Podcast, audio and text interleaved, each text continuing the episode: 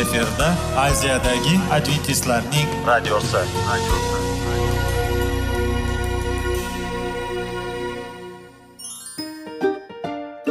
Assalomu alaykum aziz radio tinglovchilar. Sog'liq daqiqasi rubrikasiga xush kelibsiz. Zero tananing sog'lom bo'lishi va uning kasalliklardan saqlash har bir insonning burchi hisoblanadi. Inson uchun bebaho boylik bu sog'liq salomatlikdir. Uni asrash esa har birimizga omonat qilib berilgan. Shuning uchun ham inson o'z sog'lig'ini ehtiyot qilishi va ajib amallardan hisoblanadi. Dono xalqimiz sog'liq tuman boylik deb bejiz aytmagan. Aql idroq sohibi bo'lgan inson o'z hayotini qadrlashi lozim bo'ladi. Hozirgi kunda qanchalik dori darmonlar ko'paymasin tibbiy muassa sifati shifokorlar vasiyasi tibbiy texnika yaxshilanmasin. Agar insonning o'z salomatligi haqida qayg'urmasa kutilgan natijaga erishib bo'lmaydi va biz sizlarga bizning dasturimizga xush kelibsiz deymiz.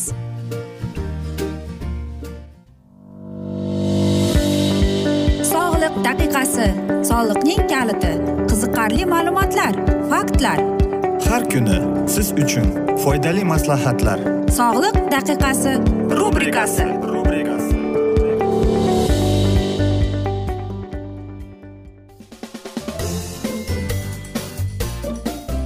assalomu alaykum aziz radio tinglovchilar. Dasturimizga xush kelibsiz va biz sizlar bilan tana va sog'liq degan dasturda xushvaqt bo'ling deb aytamiz. Aziz do'stlar bugungi biz dasturimizni aynan qo'l yuvish haqidagi mavzuga qaratmoqchimiz va bugungi bizning dasturimizning mavzusi qo'llarni yuvish qoidasi deb nomlanadi. Albatta siz aytasizki buni hech qanday qiyin joyi yo'q deb. Chunki qo'lni yuvasan va bo'ldi hokazo narsa tugaydi deysiz. Ammo lekin siz bilarmidingiz qo'lingizni qanday qilib to'g'ri yuvishga. Axir biz qo'limizni yuvmasak biz ko'plab infeksion kasalliklarni olib kelamiz. Masalan e, shamollaganimizda yoki gripp bo'lganimizda yoki e, diareya bo'lib qolganimizda. Shuning uchun ham aziz do'stlar qo'llarimizni biz to'g'ri qoidalarda yuvsak o'shandagina qo'limiz e, dezinfeksiya bo'lib qolar ekan. E, va siz o'zingizga qachondir savol berganmisiz? Nega biz qo'limizni yuvishimiz kerak deb? Yoki biz aytmoqchisizki faqatgina bolalar yuvadi qo'lini deb. Agar shunday bo'lsa unda bizning ota onamiz bizga yoshligimizda tushuntirib berardi. Nega biz qo'limizni toza va sovun bilan yuvib uni quruq artishimiz kerak? Chunki bizning qo'limizda ko'plab virus mikroblar bor. Qarang va biz qo'limizni yuvmasak biz mana shu iflos qo'llarimiz bilan og'zimizni ushlaymiz burnimizni ko'zimizni va hokazo tanamizning e, bir maqbul joylarini ushlab qolamiz. Va mikrob va viruslar bizning tanamizga kiradi va infeksiyani chaqirishi mumkin ekan. Ammo lekin bilasizmi bizning ota onamiz sakson foizga haq chunki ularning e, infeksiyaning olib kelishiga to'qson foizi qo'limiz bo'ladi. Yana bir narsa qo'llarni yuvgan bolalar kamroq kasal bo'lar ekan. Shuning uchun ham bu joyda yana bir savol kelib chiqadi va qachon va qanchalik tez tez biz qo'limizni yuvib turishimiz kerak degan. Qo'limizni biz har doim yuvishimiz kerak. Ayniqsa ovqat e, tayyorlashda yoki biz e, ba'zi bir Э, aytaylik sabzavot yoki mevalarni ushlaganimizda e, va albatta ovqat yeyishga o'tirganimizda yoki siz aytaylik birovning yarasini yoki o'zingizni biror joyingizni yara qilib qo'ygan bo'lsangiz uni dorilayman deb qo'lingizda albatta ushlaysiz. Mana shunday vaqtda siz albatta qo'lingizni yuvishingiz kerak. Va qo'lingizni hojatxonaga borib kelganingizdan keyin yuvishingiz kerak. E, va siz aytaylik yo'talganingizda yoki chuchkirganingizda yoki aytaylik yoqimsiz narsa mishirganingizda yoki bolangizga подгузник almashtirganingizda yoki aytaylik bolangizni burnini artdingiz yoki siz mm, xom go'shtga qo'lingizni tekkizdingiz yoki tuxumga yoki siz uy hayvonlarini ushladingiz. Va mana shunday narsalarning buning e, narsalarni biz davom ettiraverishimiz kerak. Bo'lishimiz ham mumkin ammo lekin eng asosiy narsalar biz aytaylik avtobusda yursak yoki e, biz o'tirishga borganimizda. Mana shunday joylarda biz albatta qo'limizni sovun bilan yuvishimiz kerak. Yoki unda imkon bo'lmasa hozirgi yigirma birinchi asrda namlantiruvchi salfetkalar bor va kichkinagina aytaylik bir kichkinagina narsa buni biz gel deymiz. Qo'limizni shundaygina artsak bizni qo'limiz dezinfeksiya bo'lib qoladi. Va qo'lni qanday qilib to'g'ri yuvish kerak? Qo'lingizni ho'llab ya'ni suvga namlab turib va qo'lingizni sovunlab yaxshilab ko'pirtirib yuvishingiz kerak. Va albatta suv. Suv qanday bo'lishi kerak? O'ta qaynoq o'ta sovuq ham bo'lmasligi kerak. U xona darajasida iliqlik bo'lishi kerak ekan. Va uch to'rt e, sekund qo'lingizni yuvishingiz kerak. Qo'llaringizni barmoqlaringizni orasini e, tirnoqlaringizni orasini yaxshilab yuvishingiz kerak. Va albatta artinish. Artgani kelganda siz qo'lingizni qup quruq qilib artishingiz kerak. Chunki qo'limizda suv qolib ketsa demak bizda hali dor infeksiya virus mikroblar e, bor. Va hozirgi zamonda dezinfeksiya qiluvchi e, usullar ko'p. Ularda to'qson besh foizi spirtdan iborat bo'ladi. Va uni biz любой e, aytaylik har bir dorixonada yoki magazindan sotib olsak ham bo'ladi. Yana bir narsa mana shunday savol bor. Qanday qilib biz mana shunday dezinfeksiyalovchi narsalar bilan biz foydalansak bo'ladi deb. Xo'sh qo'lingizga dezinfeksiyalovchi usulni sepib yoki artib qarangki qo'lingizni qanday yuvsangiz xuddi shunday qilib artsangiz kerak bo'ladi.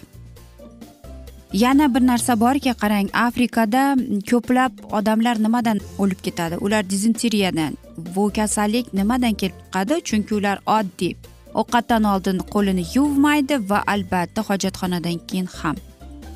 Va yana bir narsa borki bizning qo'limizda e, sakkiz yuz qirq ming ko'plab mikroorganizmlar bor ekan va ko'p mikroorganizmlar bizning tirnog'imizni tagida bo'lar ekan. Aziz do'stlar o'shaning uchun ham bugungi bizning dasturimizda biz mana shunday mavzuni ko'tardik. Va albatta e, biz qo'limizga va qo'limizni yuvganimizda o'ylashimiz kerakki qayerga bormaylik nima qilmaylik o'zimizning cho'ntagimizda sumkamizda namli salfetka dezinfeksiya qiladigan usullarni olib yurishimiz kerak va shuni unutmaslik kerakki qo'limizni doimo toza tutishimiz kerak.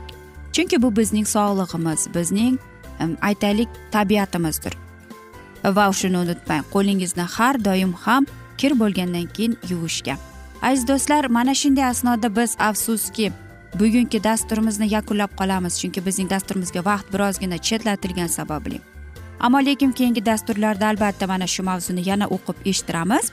Va sizlarda savollar tug'ilgan bo'lsa biz sizlarni salomat klub internet saytimizga taklif qilib qolamiz. Va albatta biz sizlarga va yaqinlaringizga sog'lik salomatlik tilagan holda o'zingizni va yaqinlaringizni ehtiyot qiling deb xayrlashib qolamiz.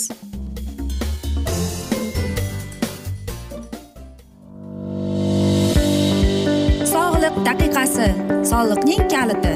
Qiziqarli ma'lumotlar. Faktlar. Har kuni siz uchun foydali maslahatlar. Sog'liq daqiqasi rubrikasi.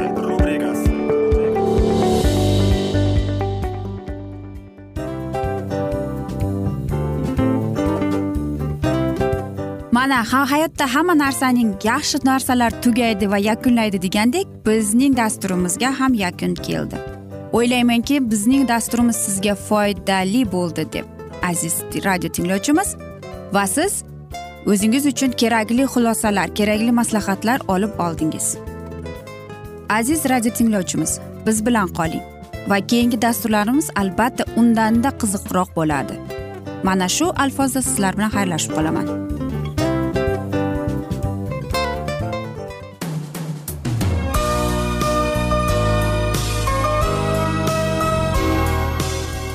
Efirda aziyadagi adventistlarning radiosi.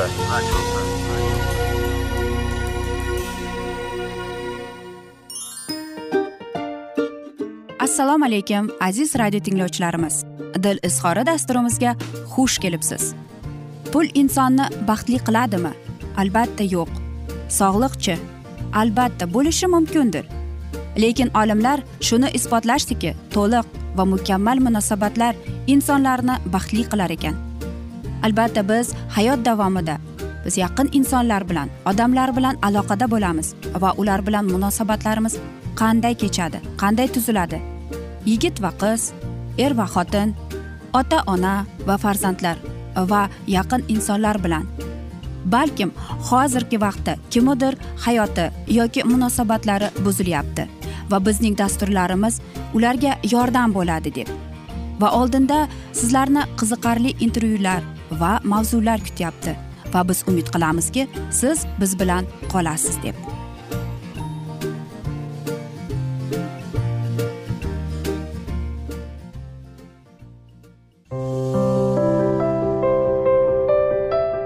Har kuni har xil kasbdagi odamlar bilan sirlashish va bo'lishish sevgi rashq munosabat.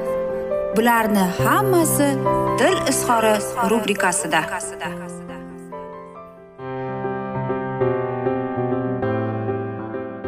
Assalomu alaykum aziz radio tinglovchilar. Dasturimizga xush kelibsiz va bugungi dasturda biz sizlar bilan erkaklar marsdan ayollar veneradan degan dasturda xushvaqt bo'ling deb aytamiz va bizning bugungi dasturimizning mavzusi nega erkaklar o'zini sevadi deb nomlanadi.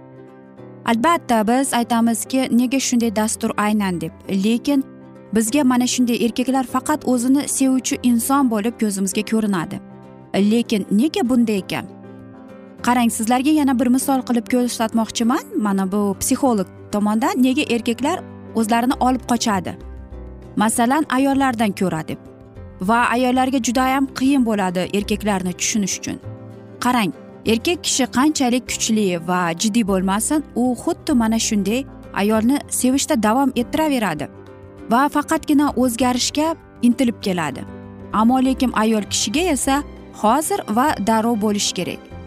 Va u shuni tushunmaydiki erkak kishi hamma narsani avtomatik tarzda qiladi va ba'zida esa hamma narsani unutib qo'yadi. Undan tashqari uning markazda bo'lgan e'tiborni ham unutib qo'yadi. Va qarangki erkak kishi ayol kishini ko'nglini olaman deb u judayam aytaylik vaqtidan ham ortiqroq e'tiborli bo'lib qoladi unga. Bunday ortiqcha e'tibor ayol kishiga ba'zida yoqmaydi ham. Va mana shu asnoda o'ylaydiki erkak kishi demak mening ayolim undan mamnun deb ammo lekin unday emas. Va mana shunday xayolga kelib erkak kishi albatta nima qiladi? U o'ziga boshqa bir darslik topadi.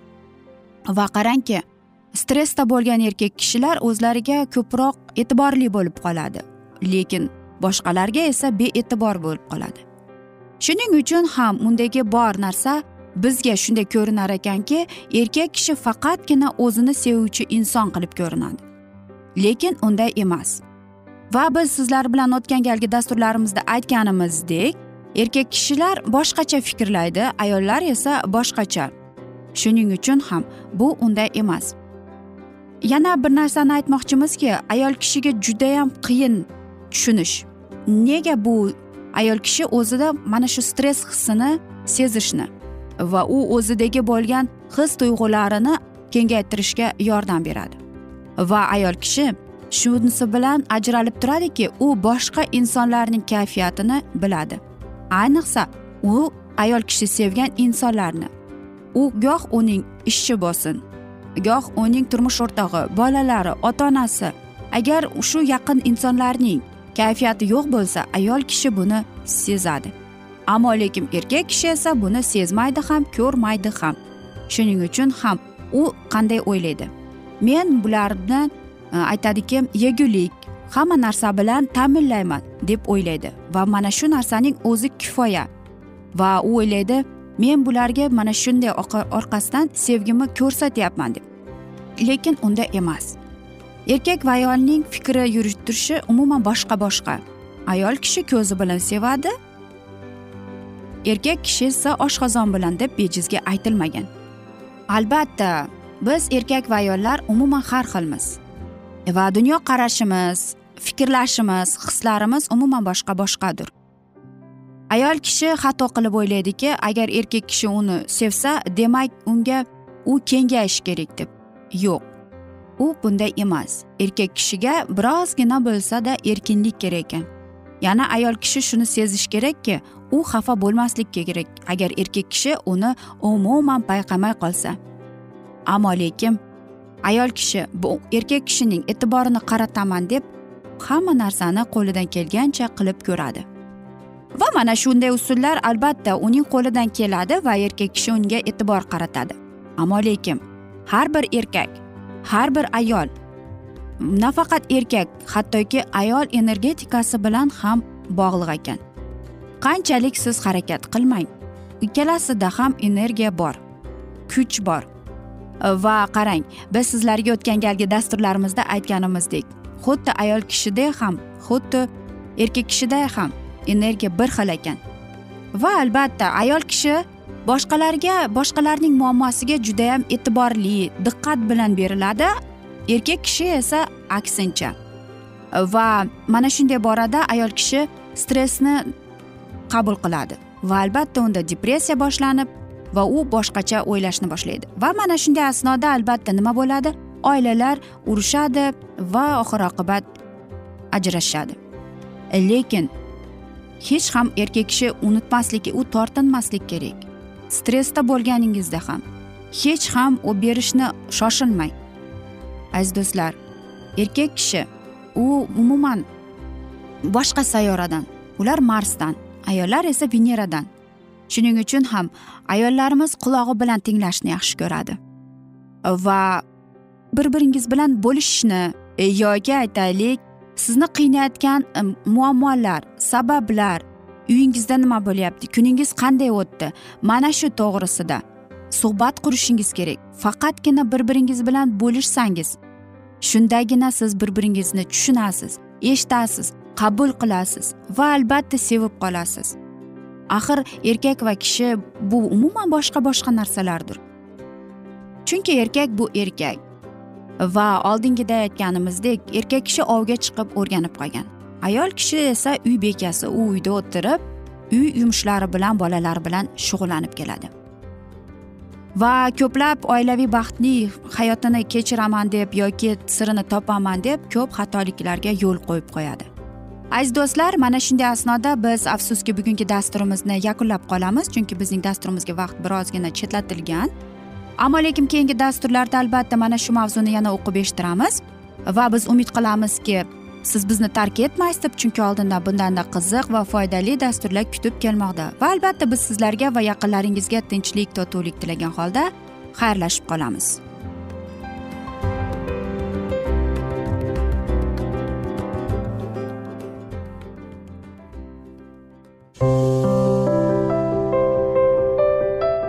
Har kuni har xil kasbdagi odamlar bilan sirlashish va bo'lishish sevgi rashq munosabat bularni hammasi dil izhori rubrikasida. Mana aziz radio tinglovchimiz bizning go'zal va foydali va chiroyli dasturimiz yakunlanib bormoqda. Sizlarga birozgina maslahat berib o'tmoqchi edik. Bir biringizni seving qadringizga yeting. Va erkalang albatta bir biringizni va sizga judayam chiroyli va mustahkam munosabatlar tilab qolamiz albatta. Sevgilingiz doimo yoningizda bo'lsin. Mana shu borada sizlar bilan xayrlashib qolamiz. Xayr.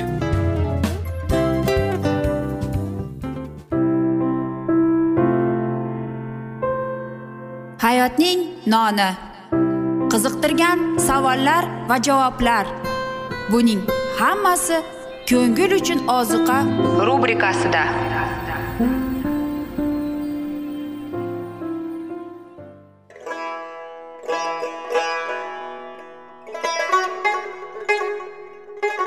Assalomu alaykum aziz radio tinglovchilarimiz. Ko'ngil uchun ozuqa rubrikasida xush kelibsiz deymiz. Siz haqiqatni izlayapsizmi? Olamnimi? Umidnimi siz kimga murojaat qilmoqchisiz? Odamlar ko'pincha siyosat kuchiga tayanadilar. Dunyo iqtisodiyoti holati tobora chuqurlashib bormoqda. Tabiiy ofatlar va texnogen halokatlar minglab insonlarning hayotini olib ketib juda katta zarar yetkazmoqda. Sizga abadiy hayot inomini hadya qiluvchi va hayotingizni tubdan o'zgartiruvchi haqiqatni izlab toping. Xudo haqidagi haqiqat uning kalomida mujassamlashgan. Kimki bu haqiqatni butun qalbi bilan izlasa albatta unga yetishadi. Bu sevgi xudoning tarixidir. Hayotingizda yoki sizning yon atrofingizdagi olamda nimalar yuz berishidan qat'iy nazar? Siz ertagi kunga buyuk umid va ishonch hosil qilishingiz mumkin. Hozirda xudo sizga taklif qilayotgan umid ishonchga o'z qalbingizni oching va sizni qiziqtirayotgan mavzularni savollaringizga javoblaringizni topib olasiz deb umid qilamiz. Biz bilan qoling.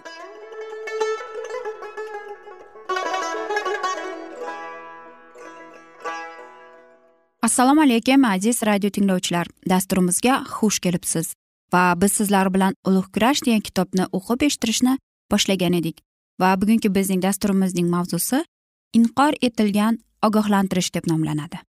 Uilyam miller va uning zamondoshlari masihning olamga ikkinchi bor kelishi haqidagi haqiqatni yagona maqsadda odamlarni oxir zamonga tayyorlash uchun targ'ib qilganlar. Ular shuningdek masihiylikka yuz tutganlar qalbida haqiqiy najotga e'tibor qaratish his tuyg'usini uyg'otishga masihiylik hayotida tajriba katta o'rin tutishni ko'rsatishga intilganlar. Va albatta tinimsiz mehnat qilib hali iymonga kelmaganlarga tavba qilish va xudoga yuz tutish naqadar muhim ekanligini anglab yetishlariga ko'maklashardi ular odamlarni biror bir mazhab yoki partiyaga kirishni targ'ib qilmadilar. Biroq barcha guruh va diniy maktablarda ularning tashkiliy masalalariga va xulq atrofiga aralashmagan holda mehnat qildilar. Mening asarlarim degan edi miller. Hech qachon biror yangi ta'limotni yaratishga yoki bir e'tiqodni boshqasidan ustun qo'yib ikkinchisidan birinchisini kamsitishga aslo qaratilmagan. Mening faqatgina bir istagim bor edi hammaga foyda keltirish. Masihning tez orada kelishiga bo'lgan ishonch barcha masihiylarni xursand qiladi deb o'ylaganman deydi. Mening nuqtai nazarimga sherik bo'lmanglar. Haqiqatni qabul qilganlarni kamroq yaxshi ko'rmay qolmaydilar. Alohida yig'ilishlarni tashkil qilish mening xayolimga ham kelmagan. Mening yagona maqsadim odamlarga xudoga yuz tutishga ko'maklashish oxir zamon yaqinlashib qolganidan olamni ogohlantirish. Va yaqinlarning qalbini rabbiyning kelishini kutib olishga tayyorlash. Iymonga kelganlarning ko'pchiligi mening asarlarim tufayli harakatga bo'lgan turlicha jamoatlarga qo'shildilar. Ma'lum bir vaqt millerning asarlariga xayrixohlik bilan qaradilar chunki asarlar jamoatlarning ko'payishiga imkoniyat tug'dirdi. Biroq xizmatkorlar va oliy ruhoniylar adventistlarning ta'limotini inkor etib unga bo'lgan har qanday qiziqishni so'ndirishga intildilar. Minbalardan ta'limotni nafaqat qoraladilar balki jamoat a'zolariga masihiyning ikkinchi bor kelishi haqida xabar aytilayotgan yig'ilishlarda ishtirok etishni hattoki jamoat ibodatlarida bu najot haqida eslashni taqiqlaganlar. Shunday qilib imonlilar nihoyatda mashg'ul ahvolga tushib qolgan edilar. O'z jamoatlariga sodiq bo'lganlar ulardan ajralishni xohlamas edilar. Biroq bashoratlar borasida fikr yuritish man etilgan singari muqaddas kalomni ulardan sir tutilayotganini ko'rganlarida xudoga sodiqlik ushbu talabalar bilan mos kelmasligini tushundilar. Xudo kalomi guvohlarini bostirmoqchi bo'lganlarni endilikda ular masih jamoati haqiqat ustuni va tasdiqi deb hisoblay olmasdilar. Ular o'z jamoatlaridan chiqib ketishdan o'zga chora topolmadilar. Va bir ming sakkiz yuz qirq to'rtinchi yilning yozida ellik mingga yaqin imonlilar o'z jamoatlarini tark etdilar. Aynan shu vaqtda amerika qo'shma shtatlarining ko'plab jamoatlarida ham katta o'zgarishlar yuz berdi. Uzoq yillar mobaynida asta sekinlik bilan biroq uzluqsiz ravishda dunyoviy urf odatlarga va marosimlariga berilib ketish kuzatildi. Buning natijasida ma'naviy darajasi nihoyatda pasayib ketdi. Lekin bir ming sakkiz yuz qirq to'rtinchi yili ko'plab jamoatlarda qandaydir tasodifiy va keskin tanazzul yuz berdi. Garchi buning sababini hech kim tushuntirib berolmagan bo'lsada bu dalil shunchalik ayon ediki matbuot va jamoat bunday holat borasida keng tushuntirish ishlarini olib borardilar. Filadelfiya presviterandan yig'ilishida keng ommaga mashhur bo'lgan sharq muallifi shaharning ko'zga ko'ringan jamoatlarning kavmboshlaridan biri barsning aytishicha u jamoatda yigirma yildan ziyod xizmat ko'rsatish jarayonidan boshlab to so'nggi oqshom ziyofatigacha prichastiya paytida yangi imonga kirganlarning jamoatga qo'shilganligi biror marta ham yuz bermay qolmagan. Hozirda esa na uyg'onish bor. Na imonga yuz tutish bor. Jamoat a'zolari huzur halovatda o'sib ulg'aymayaptilar. Biror bir kimsa o'z qalbini najot topish maqsadida kafinboshning xonasiga kirmay ham qo'ydi. Tadbirkorlik tijorat va ishlab chiqarish yuksalib borgan sari axloqiy buzilish tobora buzilishib bormoqda. Bunday holatni barcha denominatsiyalarda uchratish mumkin. O'sha yilning fevral oyida aberlinsk kollejining professori finney shunday degan biz shuni tan olishimiz kerakki umuman olganda mamlakatimiz protestant jamoatlari ushbu asarda namoyon bo'lgan islohotchilarning axloqiy fe'l atrofiga nisbatan befarq yoki bo'lmasa dushmanlarcha munosabatda bo'ldilar. Albatta ba'zi bir istisnolar bo'lgan. Biroq ular shunchalik kam ediki biz aniq bir dalil haqida gapirishimiz mumkin. Jamoatlar nihoyatda turg'unlik holatida edi.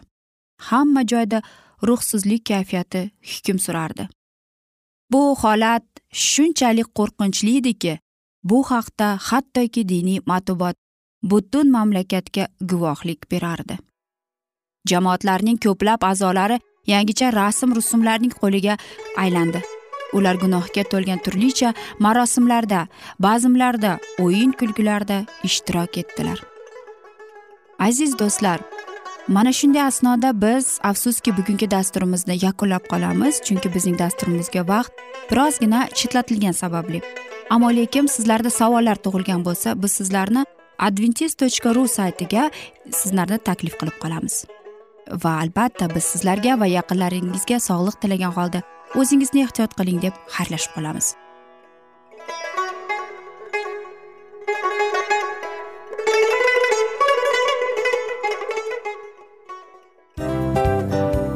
Mana aziz radio tinglovchimiz hamma yaxshi narsaning yakuni bo'ladi degandek bizning ham dasturlarimiz yakunlanib qolmoqda. Aziz do'stlar o'ylaymanki bizning dasturlarimiz sizlar uchun judayam foydali bo'ldi deb bizning dasturlarimizdan siz o'zingizga foydali va judayam kerakli maslahatlar oldingiz deb. Masalan sog'liq borasida biz sizlarga sog'liq tilaymiz albatta lekin bizning maslahatlarimizga ham amal qilishga unutmang. Munosabatlarga kelganda bu munosabatlar chuqur va yaxshi bo'lishi uchun uni ustidan ishlash kerak albatta. Diniy masalaga kelsak aziz do'stlar bu judayam jiddiy va chuqur nazarni talab qiladi. Ammo biz sizlar bilan xayrlashib qolmaymiz. Keyingi dasturlarda eshittirishimizni davom ettiramiz va sizlar bilan mana shu yaxshi kayfiyatda xayrlashib qolamiz. Va keyingi dasturlarda ko'rishguncha xayr.